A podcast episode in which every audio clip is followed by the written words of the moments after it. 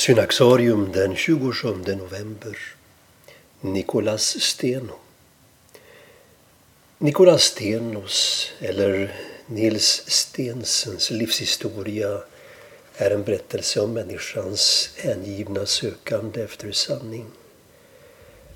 Som samtida med bland andra Isaac Newton upplevde han den moderna vetenskapens födelse. Traditionella tolkningsmönster förändrades och nya frågor ställdes. För Nicolas Steno hörde sökandet efter kunskap om världen och naturen samman med sökandet efter Gud. Steno föddes i Köpenhamn i det lutherska Danmark år 1638 i en relativt välbärgad familj. Som 19-åring började han studera på universitetet. Han läste medicin och efter avslutad examen reste han runt i Europa för att lära av tidens mest framstående läkare och naturvetare. År 1666 kom han till Italien och fick anställning som professor vid universitetet i Padua. Han bjöds till Rom där han bland annat mötte påven. På återresan bevittnade han en Corpus Christi-procession vilken gjorde djupt intryck på honom och han frågade sig om han verkligen hade den rätta tron. Vetenskapligt gjorde Nicolas Steno flera viktiga upptäckter. Mest betydelsefulla var hans insikter i geologi.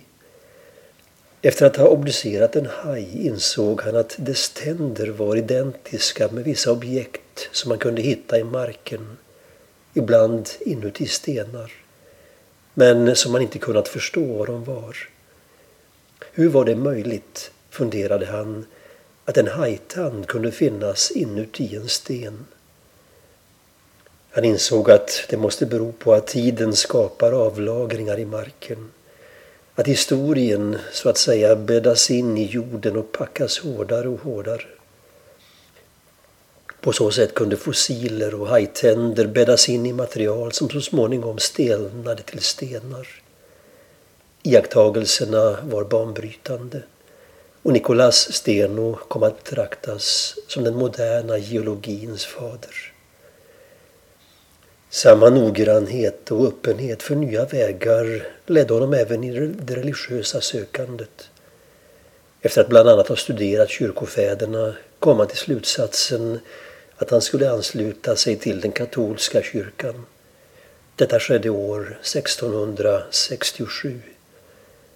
Några år senare fortsatte han sina akademiska studier genom att ägna sig åt teologi.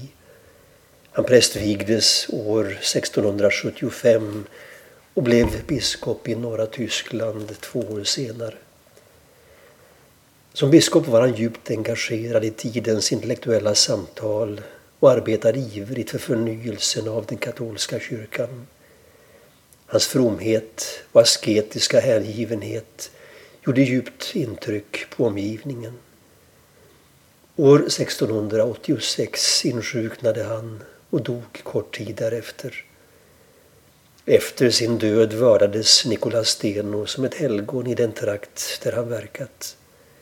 År 1988 saligförklarades denne sökade, sökare efter både andlig och världslig kunskap av påven Johannes Paulus den andre.